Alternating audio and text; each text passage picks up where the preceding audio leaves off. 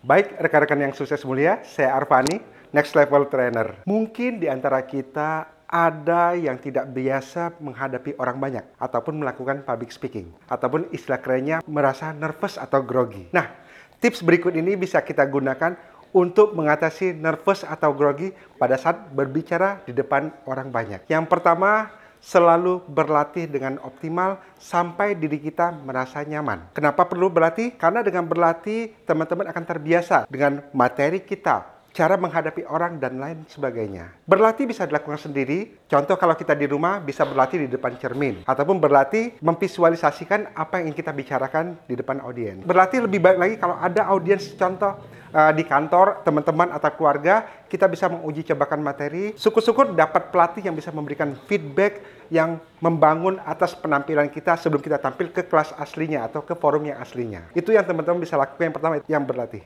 Yang kedua, kalau bagi yang minum kopi, hindari atau kurangi meminum kopi. Karena kenapa? Di dalam kopi ada kafein yang ada efek jantung berdebar. Kalau kebanyakan minum kopi yang ada efek jantung berdebar, akan ada nervous, grogi akan bertambah. Contoh ada rasa gemetar, ada rasa tidak nyaman waktu kita akan tampil di depan umum. Nah, apa yang bisa menggantikan kopi yaitu air hangat. Air hangat juga bagus bagi kita yang sering tampil di depan umum atau bicara di depan umum karena akan lebih melegakan tenggorokan kita. Jadi bagi para yang minum kopi pada saat akan tampil hindari minum kopi yang berlebihan.